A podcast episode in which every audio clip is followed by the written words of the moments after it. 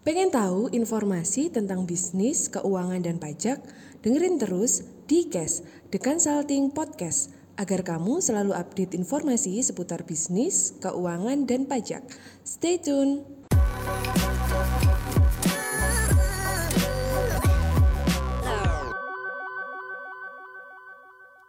Oke, saya Joko dari The Consulting. Kali ini saya akan membahas tentang akuntansi biaya tenaga kerja, di mana biaya ini merupakan biaya yang hampir ya, hampir semua di perusahaan itu ada uh, akun atau ada biaya tenaga kerja. Nah, yang akan dibahas di sini adalah pengertian dari tenaga kerja dan biaya tenaga kerja itu sendiri. Kemudian pengelompokan aktivitas dan e, biaya tenaga kerja. Yang terakhir adalah akuntansi e, biaya tenaga kerja ya secara narasi seperti itu. Oke, kita masuk ke poin pengertian. Jadi tenaga kerja ini adalah setiap orang yang mampu melakukan pekerjaan guna menghasilkan barang dan atau jasa baik untuk memenuhi kebutuhan sendiri maupun untuk masyarakat. Sedangkan biaya tenaga kerja merupakan upah atau gaji yang dibayarkan secara harian, mingguan, bulanan, atau lainnya. Sekarang kita masuk ke poin pengelompokan aktivitas dan biaya tenaga kerja. Nah, biaya tenaga kerja ini itu menurut departemen yang ada di perusahaannya itu pembagiannya itu biaya tenaga kerja departemen produksi, biaya tenaga kerja departemen pemasaran dan penjualan, biaya tenaga kerja departemen administrasi dan umum. Nah, biasanya seperti itu pembagian uh, secara departemen. Kemudian uh, kenapa sih dibagi uh, berdasarkan departemen? Nah, itu tujuannya itu adalah untuk memudahkan kontrol ya, memudahkan kontrol biaya tenaga kerja ini setiap departemennya dan yang tidak kalah penting adalah untuk membedakan mana biaya tenaga kerja yang terkait dengan HPP atau harga pokok penjualannya dan mana yang terkait dengan biaya usaha. Jadi tidak semua biaya tenaga kerja itu masuk ke dalam satu akun ya, tapi uh, harus dipisah, harus dikelompokkan agar uh, mudah dalam kontrol dan uh, mudah dalam membedakan seperti itu. Oke, sekarang uh, berdasarkan hubungannya dengan produk ya, biaya tenaga kerja ini dibaginya menjadi biaya tenaga kerja langsung dan biaya tenaga kerja tidak langsung. Ya, jadi tujuannya dikelompokkan seperti ini itu apa? Yaitu untuk membedakan mana sih biaya tenaga kerja itu yang terkait dengan biaya produksi langsung dari suatu produk dan mana uh, yang terkait dengan biaya overhead seperti itu. Jadi yang biaya tenaga kerja tidak langsung ini itu yang biasanya masuk di uh, grupnya biaya overhead.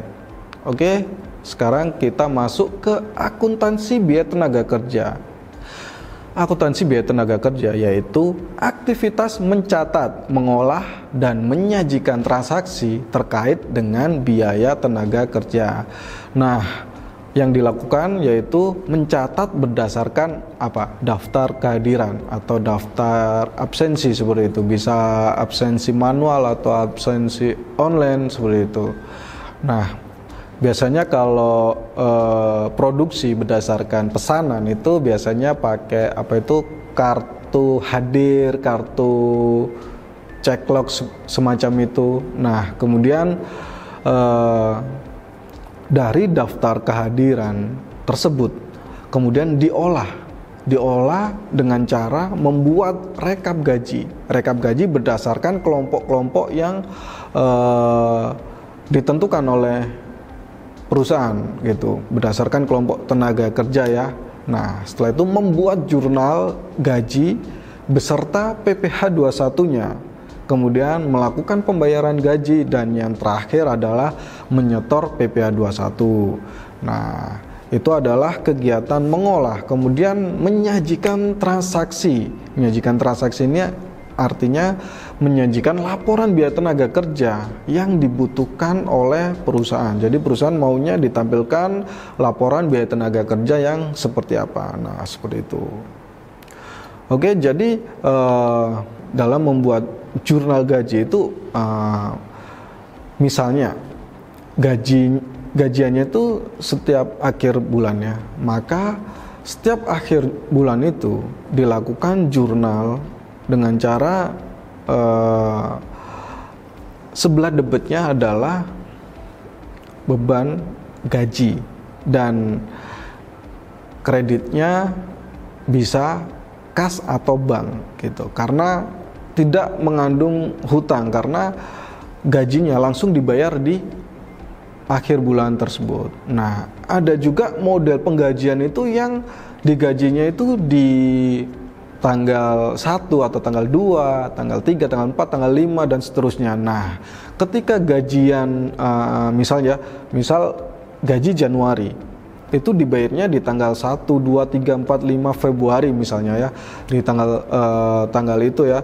Nah, itu artinya di bulan Januari perusahaan itu mempunyai hutang yaitu hutang e, gaji kepada karyawan sehingga di akhir bulan Januari itu harus dilakukan pencatatan untuk mengakui adanya e, hutang gaji kepada karyawan dengan jurnal. Di sebelah debit adalah biaya gaji dan di sebelah e, kredit adalah hutang e, biaya gaji atau hutang beban gaji atau hutang gaji. Ada juga yang menulis beban masih harus dibayar gaji. Nah, itu uh, banyak sekali istilahnya. Jika ada uh, pajak yang harus dibayarkan. Jadi karyawan ini ada yang uh, melebihi PTKP dan ada PPA 21-nya, maka jurnalnya uh, bukan hanya melibatkan dua akun tapi bisa lebih dari dua akun. Jadi misalnya di bagian depan ini ada beban gaji, kemudian ada uh, PPh 21, bisa juga BPJS, kemudian kreditnya ini adalah uh, hutang beban gaji dan hutang PPh 21. Kemudian uh, pada tanggal 5 misalnya saat gajian, nah itu uh, ketika membayar itu Pencatatan yang dilakukan adalah dengan menjurnal hutang beban gaji sebelah debit ya kreditnya itu bisa cash atau bank. Nah kemudian eh, di tanggal misalnya di tanggal eh, 10 ya di tanggal 10 eh, membayar PPA 21 menyetor ke negara. Nah itu berarti jurnalnya adalah hutang PPA 21 pada cash atau bank. Tergantung kita transfer atau pakai uang tunai ya uang kas di tangan. Nah seperti itu. Oke uh, sekian materi tentang akuntansi biaya tenaga kerja semoga bisa bermanfaat buat teman-teman saya Joko dari The Consulting